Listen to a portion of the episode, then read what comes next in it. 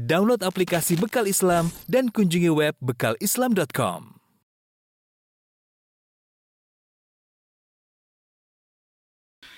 Bismillahirrahmanirrahim. Assalamualaikum warahmatullahi wabarakatuh. Alhamdulillah.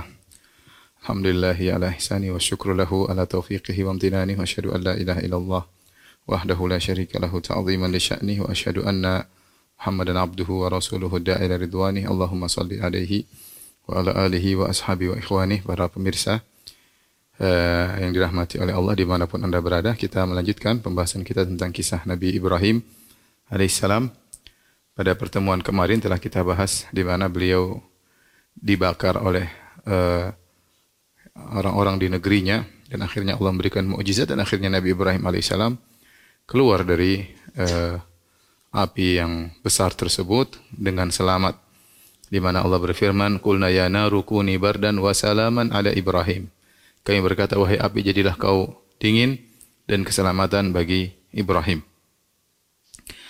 uh, di antara kisah yang disebutkan oleh Allah dalam Al-Quran adalah kisah dialog antara Nabi Ibrahim dengan Raja Numrud. Ada yang mengatakan Namrud biddal, ada yang mengatakan Numrud bil eh, dhammah Numrud, ada yang mengatakan Namrud bidzal pakai dzal.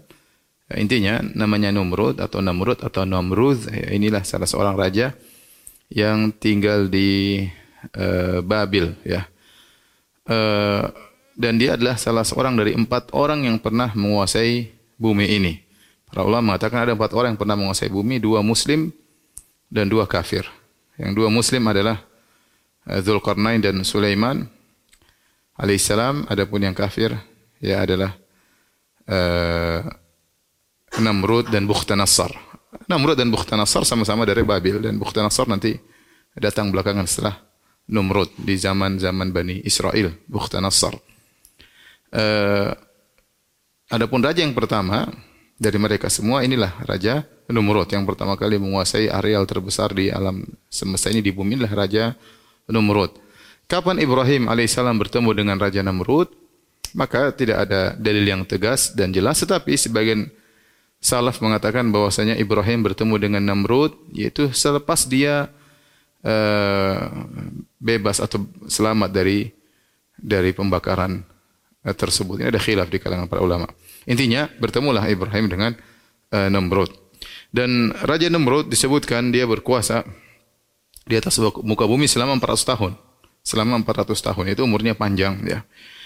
Allah sebutkan kisah pertemuan Raja Namrud dengan Ibrahim alaihissalam dalam surat Al-Baqarah ayat 258. Kata Allah Subhanahu wa taala, "Alam taro ila alladhi hajja Ibrahim fi rabbih an atahu Allahul mulk."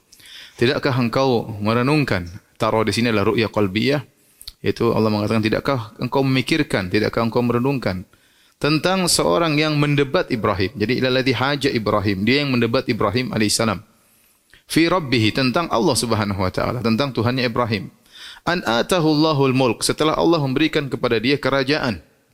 Ya, jadi subhanallah orang ini tidaklah menjadi sombong Numrud kecuali setelah diberi kerajaan. Setelah diberi kerajaan. Oleh kerana nikmat anugerah yang Allah berikan terkadang menjadikan seorang lupa diri, terkadang menjadikan seorang sombong dan angkuh sampai berlebihan mengaku dirinya sebagai Tuhan seperti Numrud, seperti Firaun, mengaku dirinya sebagai Tuhan. Kenapa? Gara-gara diberikan kerajaan oleh Allah Subhanahu wa taala.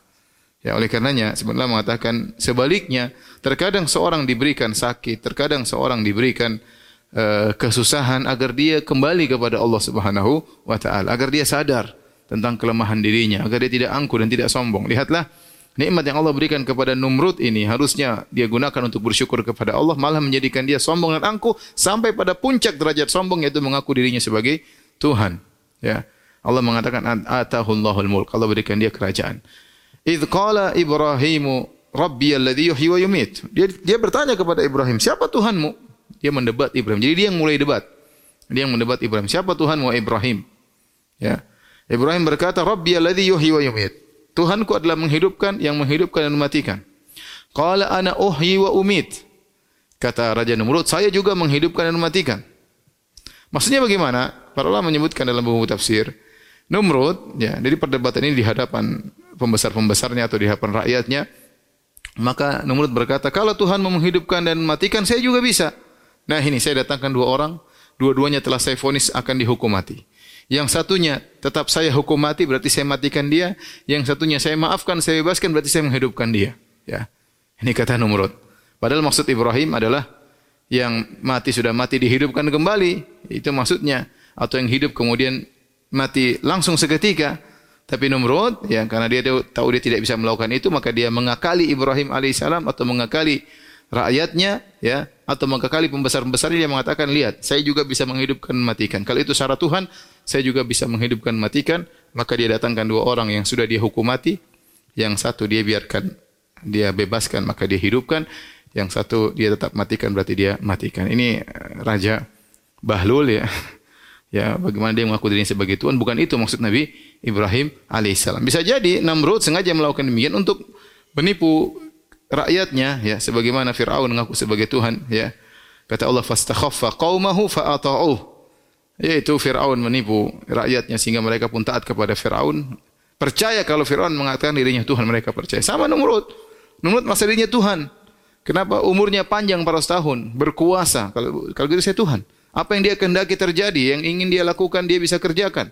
Dia ingin bunuh, dia ingin membiarkan orang hidup terserah dia. Ya, maka kesombongan ini mengantarkan dia menjadi mengaku diri sebagai Tuhan. Jadi dia mengatakan, saya bisa menghidupkan dan mematikan. Maka Ibrahim alaihissalam mendatangkan hujah yang lain. Kata Ibrahim alaihissalam,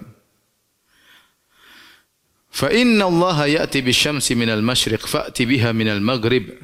Kalau begitu, terbitkanlah matahari dari timur, dari barat ya. Karena Rabbku menerbitkan matahari dari timur. Sekarang kau fa'ti biha minal maghrib. Kalau gitu kau Tuhan terbitkanlah matahari dari dari dari barat. Fabuhital kafar. Wallahu la yahdil qaumadh maka terdiamlah Namrud tidak bisa mendebat Ibrahim alaihissalam dalam hal ini. Taib. Para pemirsa yang dirahmati Allah Subhanahu wa taala, para ulama khilaf tentang sisi pendalilan Ibrahim alaihissalam. Uh, sebagian besar ulama berpendapat Ibrahim alaihissalam waktu menjelaskan tentang Tuhannya, Ibrahim alaihissalam berdalil dengan uh, saya boleh jelaskan di sini ya. Sekedar penjelasan saja ya. Jadi dalil Nabi Ibrahim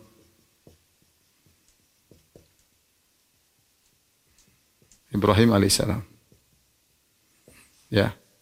Intinya ada dua dalil. Ada khilaf di kalangan para ulama. Dua pendapat. Pendapat pertama, pendapat kedua. Pendapat jumhur, mayoritas ulama, ini Ibnu Katsir dan yang lainnya, bahwasanya dalil pertama dalil menghidupkan dan mematikan. Dalil Tuhan menghidupkan dan mematikan.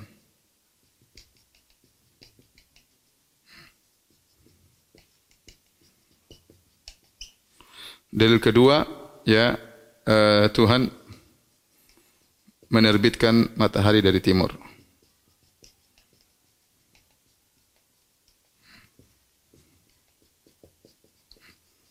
Nah, menurut jumhur ulama, tatkala Ibrahim alaihissalam menyampaikan dalil pertama, Namrud jawab. Di sini Namrud jawab. Namrud menjawab. Tapi jawabannya, bahasa kita jawabannya tidak nyambung. Maksud Ibrahim itu yang sudah mati kau hidupkan, dia mengatakan, ini sudah saya fonus mati, saya uh, maafkan. Berarti saya menghidupkan. Maka jawabannya tidak nyambung. Ya, dan dia hilah, yaitu berbuat hilah ya. Maka karena pendalilan ini masih kurang jelas, maka Ibrahim berpindah ke dalil berikutnya yang lebih jelas. Yang lebih jelas ya. Karena berhadapan dengan seorang yang kurang paham. Menurut kurang paham maka Ibrahim karena dalil pertama tidak bisa menjatuhkan Numrud karena Numrud tidak paham dan susah menjelaskan Numrud Ya dia bodoh tapi dia merasa pintar, maka Ibrahim akhirnya pindah kepada dalil yang lebih jelas yang tidak mungkin diakali lagi oleh Numrud. Ini pendapat jumhur. Pendapat yang kedua, ya. Dalil pertama, dalil pertama adalah mukaddimah.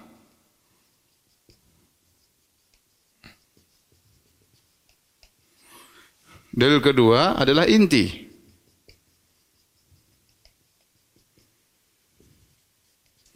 Jadi ini, ini pendapat Ibnu Qayyim rahimahullahu taala. Ini pendapat Ibnu Qayyim. Dalam kitabnya Miftah dari Sa'adah, Beliau berkata rahimahullahu taala, waktu Ibrahim menyebutkan tentang dalil pertama hidupkan dan matikan, Ibrahim tahu bahwasanya Namrud akan menjawab dengan jawaban tersebut karena dia sudah tahu tentang uh, biografi atau dengar-dengar tentang Namrud, ya. Maka waktu Ibrahim menyebutkan dalil pertama, kemudian Namrud menjawab, maka di antara kecerdasan Nabi Ibrahim, kalau begitu, maksudnya bagaimana? Kalau kau mengaku kau bisa ngatur manusia, ya, dengan menghidupkan matikan, sebagaimana Tuhanku, kalau begitu seharusnya kau juga bisa mengatur benda-benda langit, sebagaimana Tuhanku. Jadi dalil kedua ini dibangun di atas dalil pertama. Bukan berpindah dari dalil yang kurang jelas kepada dalil yang jelas. Pendapat jumhur, Perhatikan sini bedanya. Ibrahim mengatakan berpindah dari dalil yang kurang jelas di sisi Namrud kepada dalil yang lebih jelas, kepada dalil yang jelas. Namun ini dikritik oleh Ibnu Qayyim rahimahullah, kata Ibnu Qayyim tidak. Ibrahim berdalil dengan dalil pertama juga dalil sebagai mukaddimah, sebagai landasan tatkala Namrud berkata, "Saya bisa mengatur yang manusia dengan menghidupkan dan matikan sebagaimana Tuhanmu, berarti saya juga Tuhan. Kalau begitu kelazimannya konsekuensinya, kau harusnya bisa juga mendatangkan matahari dari barat sebagaimana Tuhanku mendatangkan matahari dari timur. Jadi dalil kedua merupakan landasan dari dalil pertama. Yang mudah-mudahan para pemirsa bisa paham. Tapi inilah uh, khilaf ulama tentang masalah ini ya. Timbul pertanyaan, kenapa Numrud tidak berkata, "Wahai Ibrahim, kalau gitu suruh Tuhanmu datangkan matahari dari barat." Kenapa Numrud tidak mengatakan demikian? Balik bertanya kepada Ibrahim, "Wahai Ibrahim, saya tidak mampu mendatangkan matahari dari barat. Kalau gitu, suruh Tuhanmu datangkan matahari dari barat." Kata Ibnu Qayyim rahimahullah, Namrud tidak berani mengucapkan demikian karena dia khawatir tiba-tiba benar-benar Tuhannya Ibrahim mendatangkan matahari dari barat, maka dia akan habis di hadapan rakyatnya. Karena dia baru saja melihat keajaiban bagaimana Ibrahim bisa tidak terbakar dari api yang begitu besar, diselamatkan oleh Tuhannya, maka bisa jadi Tuhannya juga menerbitkan matahari dari barat. Oleh karenanya dia terdiam dan tidak menantang Ibrahim alaihissalam. Intinya para pemirsa yang dirahmati oleh Subhanahu wa taala, akhirnya Numrud ini mengusir Ibrahim alaihissalam. Setelah itu Allah Subhanahu wa taala dalam buku-buku tafsir menyebutkan pendapat sebagian salaf, akhirnya Allah Subhanahu wa taala mengirim baul yaitu lalat atau atau nyamuk atau lalat masuk ke dalam min kharaihi, masuk ke dalam hidungnya Numrud. Masuk kemudian masuk ke dalam bikin menyiksa Numrud. Akhirnya kepalanya sakit luar biasa. Kepalanya sakit luar biasa. Kalau mau sembuh, maka harus dipukul kepalanya pakai mitroko, pakai palu, dipukul kepalanya. Baru kemudian dia enakan. Kalau dipukul, tenang. Nanti sakit lagi, obatnya apa? Tidak ada obat lain kecuali dipukul. Dipukul kepalanya. Orang yang paling baik mukul dengan dua tangannya. Pukul kepalanya. Dang, itu yang paling baik. Pukul dengan sekuatnya supaya dia tenang. Ya. Yang lain jengkel nggak sembuh-sembuh pakai martil. Dan itu ada khilaf di kalangan para salaf. Ada yang mengatakan dia demikian selama 40 tahun baru kemudian mati. Ada yang mengatakan dia demikian selama 400 tahun baru kemudian dia dia mati. Sebagaimana dia menguasai bumi 400 tahun demikian juga Allah sisa dia selama 400 tahun. Allah alam bisawab. Intinya dia yang begitu sombong dan angkuh Numrud akhirnya dibunuh oleh Allah hanya dengan seekor hewan yang sangat kecil dan hina yaitu masuk ke dalam hidungnya dan dia tersiksa begitu lama Itulah akhir daripada Numrud. Taib.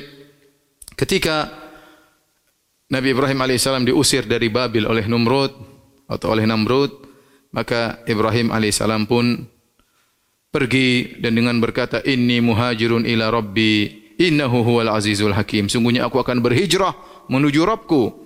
Innahu huwal azizul hakim. Sungguhnya dia maha perkasa dan maha bijaksana. Ibrahim pun pergi berhijrah meninggalkan tempat yang dia sudah berdakwah dengan begitu tegas dengan begitu sabar. Akhirnya dia pun diusir. Maka dia pun pergi meninggalkan ayahnya yang kafir di situ dan meninggalkan uh, negerinya yang sangat dia cintai ya kemudian dia pergi meninggalkan itu semua karena Allah Subhanahu wa taala. Ya, Allah Subhanahu wa taala berfirman ya tentang hal ini dalam surat Maryam, "Falamma i'tazalahum wa ma ya'buduna min dunillah wa habna lahu Ishaqa wa Yaqub Wa kullan ja'alna nabiyya. Tatkala Ibrahim meninggalkan apa yang mereka sembah selain Allah, meninggalkan ya keluarganya, meninggalkan seluruhnya, pergi sendirian, ya meninggalkan semuanya karena Allah Subhanahu wa taala, maka Allah ganti dengan yang lebih baik. Allah berikan dia anak-anak, Yakub, Ishak, Yakub, Ismail, Bahkan Allah gantikan seluruh nabi yang datang setelah Ibrahim semuanya adalah kembali kepada Ibrahim alaihissalam. Ya. Kemudian dari anak keturunannya sangat banyak. Muncullah namanya Arab. Ya. Dari keturunan Nabi Ismail alaihissalam, Quraisy dan yang sebagainya, Bani Israel. Semuanya ini adalah keturunan Ibrahim alaihissalam dan ini membenarkan kaedah sebagaimana sabda Nabi sallallahu alaihi wasallam innaka lan lillah illa baddalaka Allahu bihi ma huwa khairun laka minhu ya tidaklah kau meninggalkan sesuatu karena Allah kecuali Allah akan menggantikan lebih baik ya bagimu. Nah, Ibrahim meninggalkan ayahnya, meninggalkan kampung halaman, Allah ganti dengan yang lebih lebih baik. Baik, Ibrahim akhirnya meninggalkan Babil sendirian.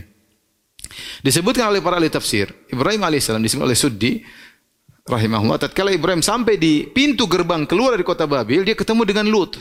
Lut ponakannya. Lut bin Haran bin Azar, ya. Azar ayahnya Ibrahim. Lut ponakannya. Maka Nabi Ibrahim mendakwahi Lut tatkala itu. Subhanallah, Nabi Lut beriman. Fa'amana lahu Lut. Maka Lut alaihissalam beriman kepada Ibrahim. Maka akhirnya pergilah Nabi Ibrahim bersama Lut keluar dari kota Babil. Ya.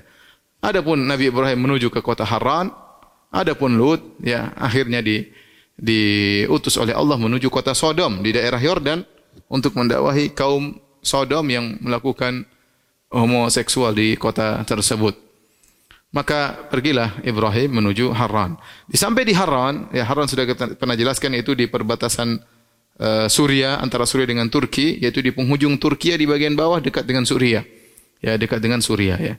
Uh, di situlah kemudian Ibrahim menikah dengan Sarah, menikah dengan Sarah. Ada khilaf di kalangan para ulama, Sarah ini sebenarnya dari Babil atau dari Haran dari Syam. Ya, sebagian ulama mengatakan bahwasanya Sarah ya adalah dari Babil dan dia adalah dari keluarga Ibrahim. Entah sepupunya entah apanya ya. Namun pendapat Allah alam bisawab yang lebih kuat ya bahwasanya Sarah dari negeri Syam. Sarah dari negeri Syam. Ya, kemudian Ibrahim menikah dengan Sarah di Harran. Disebutkan Sarah juga tidak setuju dengan ya fitrahnya. Dia tidak setuju dengan orang-orang di Harran yang menyembah benda-benda langit. Maka dia pun mencela agama. Nenek moyangnya akhirnya dia ketemu dengan Ibrahim dan dia akhirnya menikah dengan Nabi Ibrahim alaihissalam dan Sarah adalah wanita yang sangat cantik luar biasa bahkan kata Ibnu Katsir rahimahullah disebutkan bahwasanya tidak ada wanita setelah Hawa yang cantik seperti Sarah hingga zaman Sarah. Jadi dari zaman Hawa Hawa cantik jelita ya. Ibunda Hawa. Kemudian banyak wanita anak keturunannya tidak ada yang cantik seperti Sarah. Seperti Sarah, wanita yang sangat cantik jelita dan kita orang-orang Syam adalah wanita-wanita yang cantik jelita. Baik, uh, di sini Nabi Ibrahim alaihissalam di Haran bertemu dengan kaum musyrikin model yang lain. Sudah kita sebutkan kalau di Babil kaum musyrikin yang menyembah benda-benda bumi, patung-patung. Adapun di Haran mereka menyembah benda-benda langit, menyembah bintang, menyembah uh, matahari, menyembah bulan. Ya Allah Subhanahu wa taala kemudian menceritakan lagi dialog Nabi Ibrahim dengan mereka ya. Dialog dengan Nabi Ibrahim dengan dengan para penyembah benda-benda langit tersebut. Yang dialog ini Allah abadikan dalam surat Al-An'am mulai ayat 75 dan seterusnya ya. Dan ini sering dipaham salah pahami oleh sebagian orang mereka menyangka ayat-ayat dari surat Al-An'am ayat 75 dan selanjutnya menunjukkan Ibrahim alaihissalam cari Tuhan, sedang mencari Tuhan. Padahal tidak benar, Nabi Ibrahim alaihissalam sedang berdialog sebagaimana perkataan Ibnu Katsir rahimahullah, "Lam yakun Ibrahim nadhiran wa inna makana munadhiran." Ibrahim tidak sedang mencari Tuhan, tapi Ibrahim sedang berdebat dengan kaumnya. Saya bacakan ayatnya. Kata Allah Subhanahu wa taala, "Wa kadzalika nuri Ibrahim malakutas samawati wal ard wa liyakuna minal muqinin." Dan demikianlah kami perlihatkan kepada Ibrahim tentang keagungan kami yang terdapat di langit dan di bumi ayat-ayat kami kami tunjukkan kepada Ibrahim waliyakuna minal muqinin perhatikan di sini waliyakuna minal muqinin kata Allah Subhanahu wa taala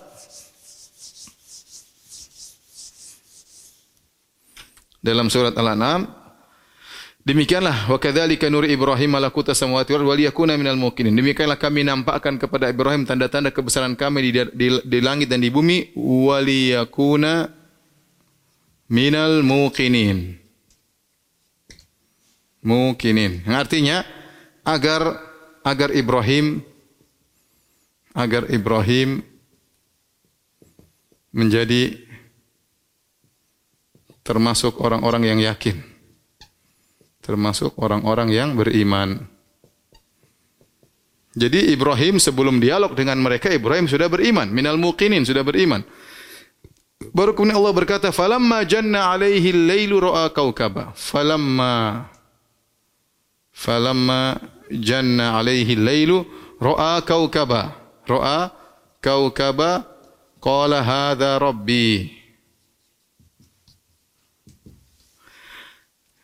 Fa artinya maka kemudian fa artinya maka itu kemudian karena kemudian itu fa dalam bahasa Arab yufidu tertib yaitu memberi faedah urutan urutan. Jadi maksud saya Ibrahim sudah yakin dulu baru kemudian terjadi dialog ini.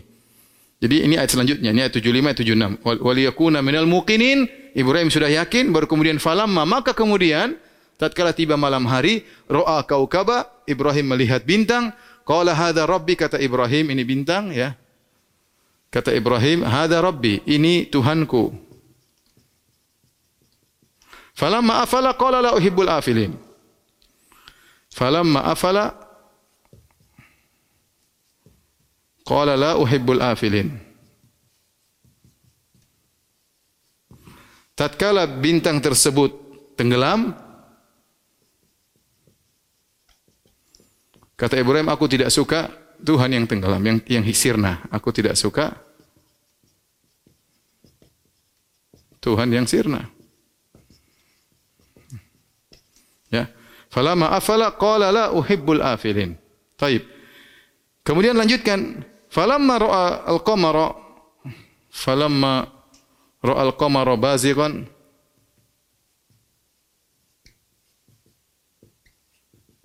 Tatkala Ibrahim melihat rembulan terbit, Qala hadza rabbi falamma afala? Tatkala terbenam falamma afala? Qala la illam yahdini rabbi la akunanna la akunanna minal qaumid dhalin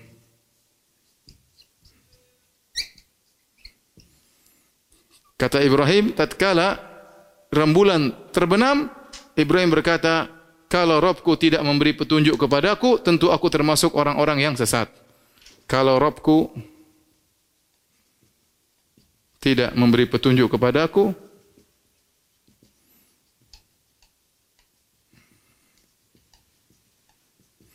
tentu aku termasuk orang-orang yang sesat. Tentu aku sesat. Tapi perhatikan lagi. Falamma ra'a syamsa bazighatan.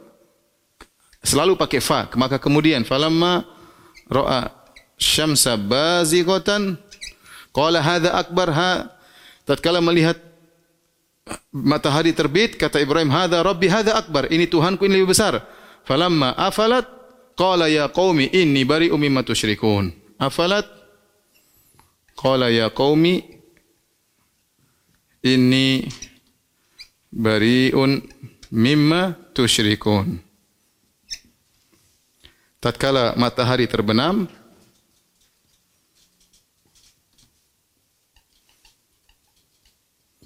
maka Ibrahim berkata, "Wahai kaumku, wahai kaumku, aku berlepas diri diri dari kesyirikan yang kalian lakukan, dari syirik kalian." Nah, ini saya ingin sampaikan kenapa saya tulis demikian agar kita tahu bahwasanya Ibrahim tidak sedang mencari Tuhan, tapi dia sedang berdialog. Saya ulangi.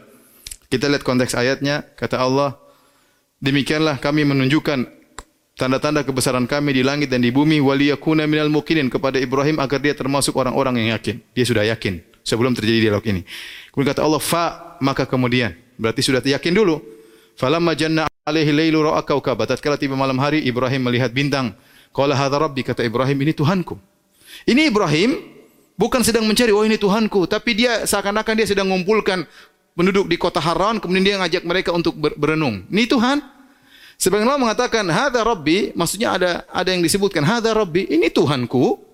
Maksudnya pertanyaan, ini Tuhanku. Falamma afala tatkala terbenam bintang tersebut kata Ibrahim la uhibbul afilin. Bagaimana Tuhan kemudian sirna?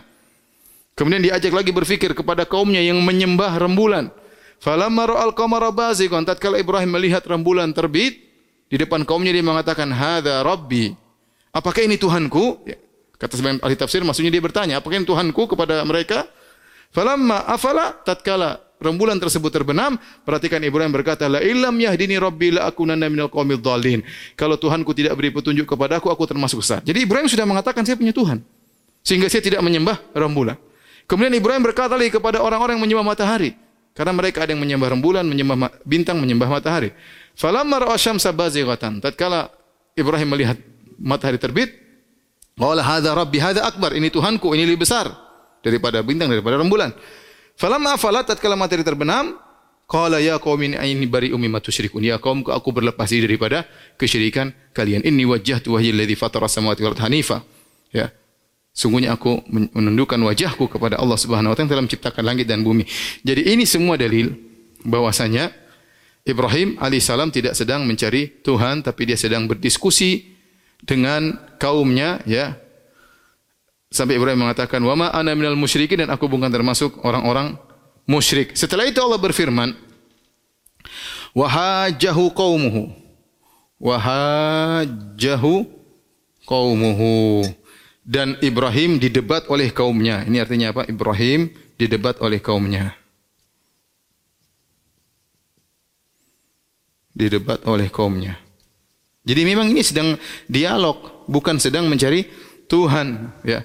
Kenapa saya kemudian di akhir ayat kata Allah, "Wa tilka hujjatuna atainaha Ibrahim ala qaumi." Saya lanjutkan, "Wa hajahu qaumuhu." Qala atuhajjuni fillahi wa qad hadan. Kata Ibrahim, apa kalian mendebat aku tentang Allah sementara Allah telah beri petunjuk kepadaku? Ya. Wa qad hadan wa la akhafu ma tusyrikuna bihi illa ayyasha Allahu rabbi syai'a. Wasi'a rabbi kulla syai'in ilma. Ya. Ala Allah tawakkalna. Kemudian kata kata Ibrahim alaihissalam, wa kaifa akhafu ma asyraktum bihi wa la takhafuna annakum asyraktum billahi. Ya, malam yunazzil bihi alaikum sultana. Jadi rupanya waktu Ibrahim sedang berdialog, mereka nakut-nakuti Ibrahim. Wahai Ibrahim, hati-hati. Kalau kau berbuat syirik, kalau kau mengingkari kesyirikan kami, kau akan begini, begini, begini. Kata Ibrahim, wa kaifa akhafu ma asyraktum bihi. Bagaimana aku khawatir, takut dengan kesyirikan yang kalian lakukan. Wala takhafuna annakum asyraktum billahi ma lam yunazil bi alaikum sultan. Sementara kalian tidak takut berbuat syirik kepada Allah Subhanahu wa taala. Kalian nakut-nakuti aku dengan sembahan-sembahan kalian. Sementara kalian tidak takut berbuat syirik kepada Allah Subhanahu wa taala. Setelah itu Allah berfirman, ya, selanjutnya wa tilka hujjatuna atainaha Ibrahim ala qaumi. Kata Allah, wa tilka hujjatuna atainaha Ibrahim ala qaumi. Kata Allah demikianlah itulah hujjah kami. Ya, hujjatuna Inilah dalil kami, argumentasi kami yang kami berikan kepada Ibrahim untuk mengalahkan dialog bersama kaumnya. Jadi ini semua dalil bahwasanya Ibrahim sedang berdialog bukan sedang mencari Tuhan. Para pemirsa yang dirahmati Allah Subhanahu wa taala. Kenapa saya jelaskan dengan detail seperti ini? Karena ini dijadikan dalil oleh sebagai orang-orang filsafat ya. Bahwasanya kita harus mencari Tuhan. Tidak boleh kita percaya kepada Tuhan hanya sekedar ikut-ikutan. Ya, kita harus cari. Bahkan saya pernah mengikuti istilah istilahnya apa? Pesantren kilat. Saya pernah ngikut dulu zaman-zamannya SMP atau SMA. Dia mengatakan, jangan dulu cari, jangan percaya Tuhan. Enggak boleh kita ikuti orang tua kita. Enggak usah percaya Tuhan. Kita disuruh kafir dulu. Ragu dulu tentang Tuhan. Baru kita cari sebagaimana Ibrahim nyari Tuhan. Nah, itu bahaya. Orang suruh suruh sudah beriman disuruh kafir dulu, ya. Itu enggak benar. Ya. Maka nah, Ibrahim tidak pernah mencari Tuhan. Dia sejak sejak awal sudah sebagaimana kita jelaskan, wa makana minal musyrikin tidak pernah berbuat syirik. Kemudian dia sudah dapat hidayah sejak masih kecil oleh Allah Subhanahu wa taala tidak pernah mencari Tuhan. Maka jangan kita mendengar perkataan orang-orang ahli filsafat yang mengatakan kalau percaya sama Tuhan harus kufur dulu sebagaimana Ibrahim kemudian kita mencari Tuhan. Itu perkataan yang berbahaya yang tidak tidak benar. Demikian juga kisah ini dijadikan dalil oleh orang Asy'ariyah mengatakan awal wajib alal mukallaf yang pertama wajib bagi seorang yang mau masuk Islam harus nazar. Nazar itu merenungkan tentang Tuhan. Ya, kalau kita tidak yang benar, pertama kali orang masuk Islam langsung mengucapkan asyhadu alla ilaha illallah wa asyhadu anna muhammadar rasulullah. Sudah sudah cukup. Jadi ini Ibrahim tidak sedang mencari Tuhan, tidak sebagaimana yang kita pelajari waktu kita masih kecil dahulu. Baik. Intinya akhirnya kaumnya kalah debat ya. Karena mereka tahu Tuhan mereka kalau Tuhan kenapa hanya muncul di malam hari ya Kalau Tuhan kenapa hanya bisa memberi penerangan di siang hari, matahari? Ya Tuhan harus senantiasa siap setiap saat. Ya, la ta'khudhuhu sinatu wala naum. Tuhan tidak pernah capek, tidak pernah tidur, tidak pernah letih, senantiasa mengawasi itu namanya Tuhan. Itu namanya Tuhan. Adapun Tuhan hanya muncul di malam hari, Tuhan hanya muncul di siang hari, kata Ibrahim itu bukan bukan Tuhan. Tuhan harus senantiasa menguasai makhluknya. Taib kisah berikutnya yang disebut oleh Nabi sallallahu alaihi wasallam adalah tentang pertemuan uh, Sarah dengan seorang raja yang zalim di Mesir. Ya. Suatu hari Ibrahim alaihissalam bersama Sarah berjalan menuju ke Mesir. Kita tahu dari dari Haran menuju Mesir jauh banget ya, jauh sekali ya. Jadi kalau kita gambarkan ya dari uh, Irak, dari Babil menuju ke Haran mungkin sekitar seribu kilo. Kemudian dari Haran menuju Mesir jauh banget juga ribuan kilo juga ya. Jadi jauh. Disebutkan bahwasanya ketika itu sedang musim musim paceklik atau kekurangan makanan, maka Ibrahim dan Sarah ingin mencari bantuan ke daerah Mesir yang subur. Maka berangkatlah Ibrahim dengan Sarah menuju Mesir. Tetapi ternyata di Mesir ada seorang raja yang mata keranjang yang dia selalu mencari-cari wanita yang cantik jelita dan dia punya intel-intel khusus untuk mencari wanita-wanita yang cantik jelita. Dan ini adalah kondisi yang berbahaya bagi Sarah. Karena saya sudah katakan tadi Sarah dikatakan oleh Ibnu Katsir adalah seorang wanita yang sangat cantik jelita. Tidak ada yang secantik Sarah sejak Hawa sampai di zaman Sarah. Ya, uh, radhiyallahu taala anha. Uh, kata Nabi SAW mengisahkan tentang hal ini. Hajar Ibrahim alaihissalam bi Sarah. Ibrahim berhijrah bersama Sarah. Fadakhala biha qaryatan fiha malikun minal muluk kemudian masuk dari suatu negeri yaitu disebut negeri Mesir. Situ ada seorang raja dari kalangan para raja. Au jabbarun minal jababira. Atau seorang yang zalim. Jabbar maksudnya raja yang zalim. Faqila maka dikatakan kepada sang raja dakhala ibrahimu bimra'atin hiya min ahsanin nisa. Telah masuk ke dalam negerimu wahai raja Ibrahim bersama seorang wanita yang wanita paling cantik.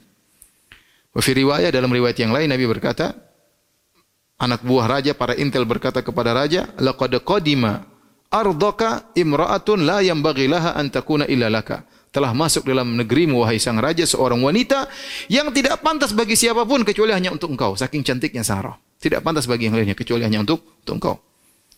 Fa arsala ilaihi an ya Ibrahim man hadhihi allati ma'ak? Maka dia pun mengutus anak buahnya untuk bertanya kepada Ibrahim wahai Ibrahim siapa ini wanita yang bersamamu? Ibrahim berkata ukhti ini adalah saudariku Fama raja ilaiha kemudian Ibrahim berkata kepada Sarah, faqala wahai Sarah Ibrahim berkata, la tukadzibi hadithi, jangan kau dustakan perkataan aku. Fa inni akhbartuhum annaki ukhti, karena aku kabarkan kepada mereka engkau adalah saudariku padahal istrinya. Tapi Ibrahim ya disebutkan karena khawatir terjadi berbahaya karena raja ini akan membunuh dia misalnya, maka selama ada jalan keluar dengan tauriah ya, maka Ibrahim berkata, ya, ini adalah saudariku. Ini adalah saudariku. Kemudian Ibrahim menjelaskan dalilnya. Wallahi in alal ardi mu'minun ghairi wa ghairuki. Wahai Sarah demi Allah tidak ada di atas muka bumi ini yang beriman kecuali aku dengan engkau. Artinya di Mesir tersebut yang beriman cuma dia dengan Sarah. Penduduk Mesir semuanya kafir. Ada yang beriman lain itu Lut di kota Sodom. Tapi yang sekarang sedang berada di atas di negeri Mesir yang beriman cuma Ibrahim dan Sarah. Seakan-akan Ibrahim mengatakan hadi ukhti ini saudariku artinya saudari sesama muslim saudari sama muslim. Ini saya katakan inilah dusta Ibrahim yang ketiga. Dusta yang pertama sudah kita sebutkan waktu dia diajak pergi untuk hari raya dia berkata ini sakim aku sakit. Dusta kedua Ibrahim alaihissalam ketika dia memecahkan patung-patung dia berkata bal fa'alahu kabiruhum hadza yang menghancurkan patung yang besar dan dusta yang ketiga adalah dia mengatakan Saroh adalah saudarinya bukan istrinya dia tidak mengatakan istriku tapi ini adalah saudariku ya maka inilah dusta Ibrahim yang yang ketiga. Fa arsala biha ilaihi maka kemudian akhirnya Sarah diambil oleh sang raja. Faqama Ibrahim alaihissalam ila salat maka Ibrahim pun salat. Ibrahim salat. Itulah ya para wali-wali Allah, orang-orang saleh ada masalah mereka langsung salat. Faqama ilaiha maka akhirnya raja pun segera bangkit menuju kepada Sarah. Ya. Dalam riwayat yang lain, falamma dakhalat alaihi lam yatamalak an basata yadahu ilaiha tatkala Sarah diajak ke kamarnya sang raja, sang raja tidak kuasa melihat cantiknya Sarah. Ini cantik banget Sarah ini. Maka dia pun segera menjulurkan tangannya ingin memeluk Sarah. Ya. Disebutkan sebelum raja ketemu Sarah, faqamat tawaddau wa tusalli, maka Sarah pun berwudu dan salat. Hadis riwayat Bukhari ya, Bukhari dan Muslim.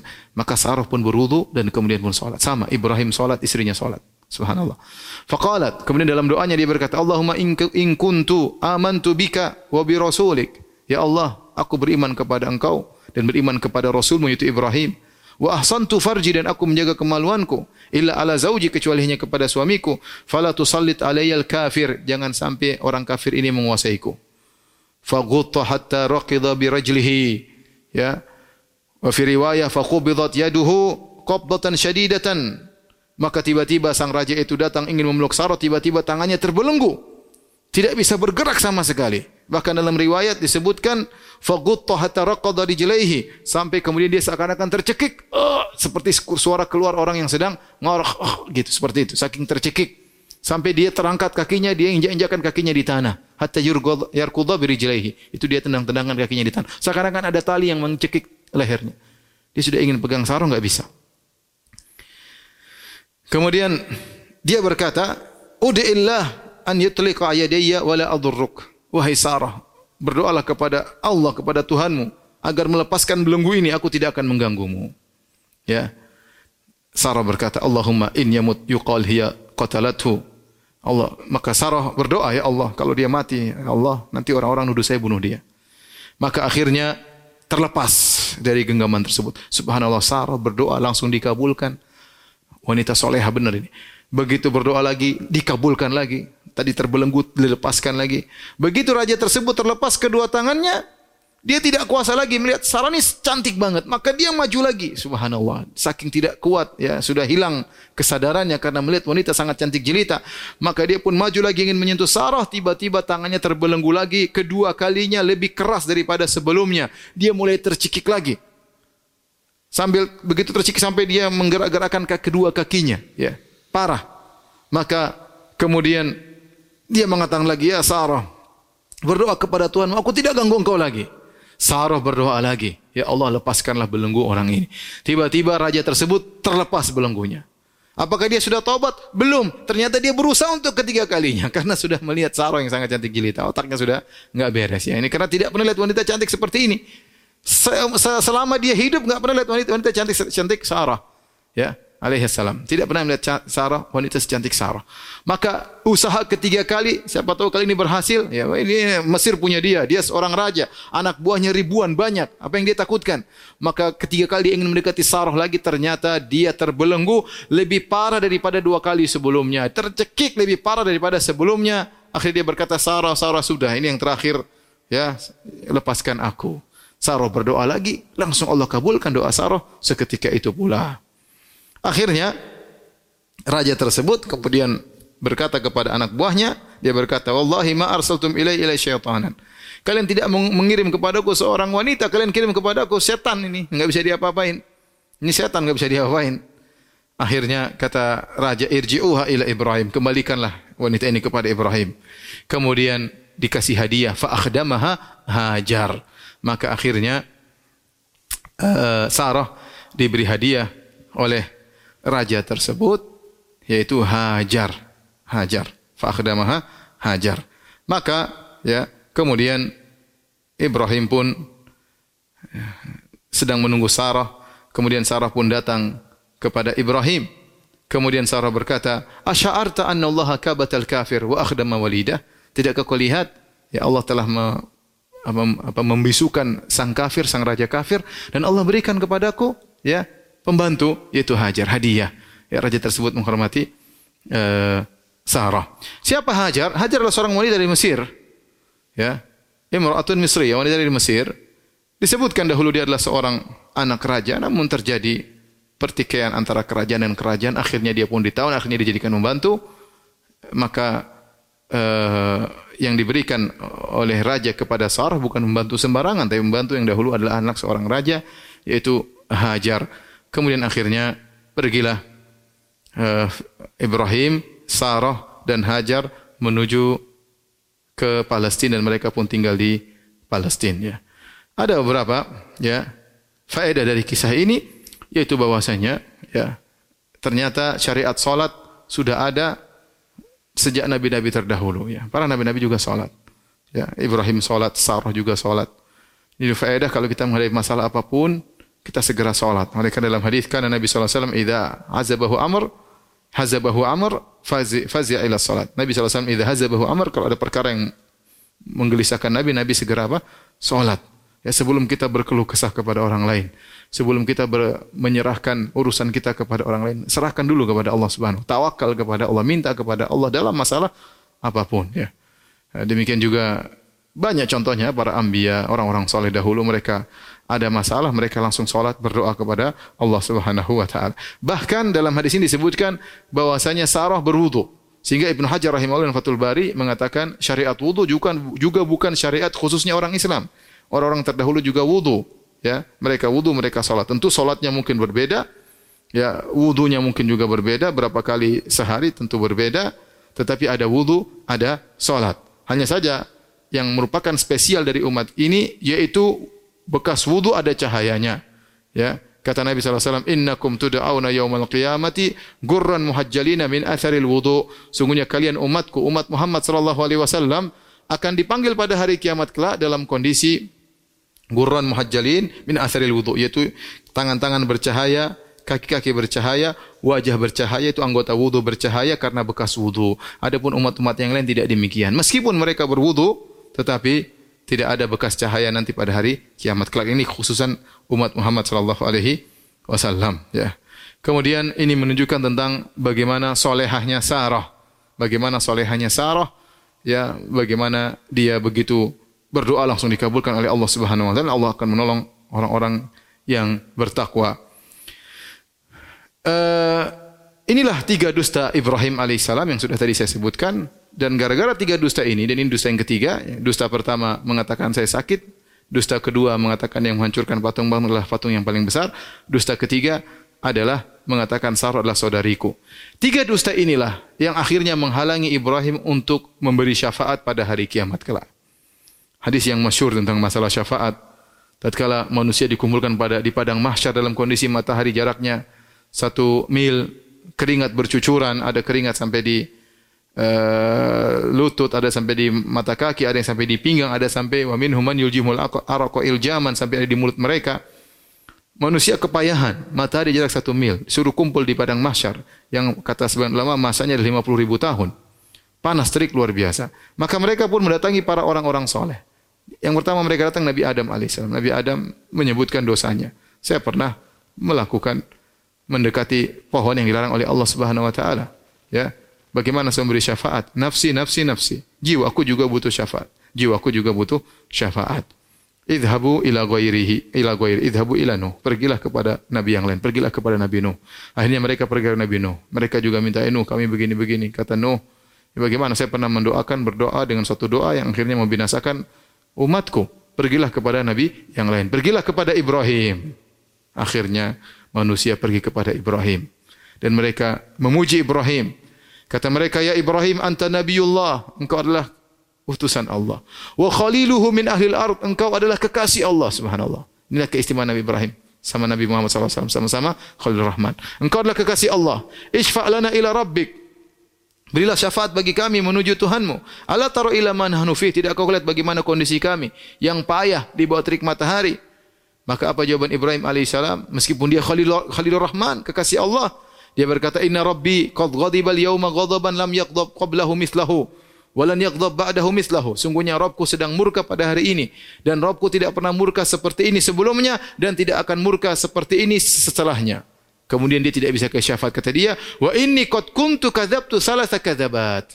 Sungguhnya aku pernah berusta salasa kadhibat. Aku pernah berusta dengan tiga dusta. Subhanallah. Ini dusta kalau kita perhatikan tiga dosa ini. Semuanya karena Allah Subhanahu wa taala.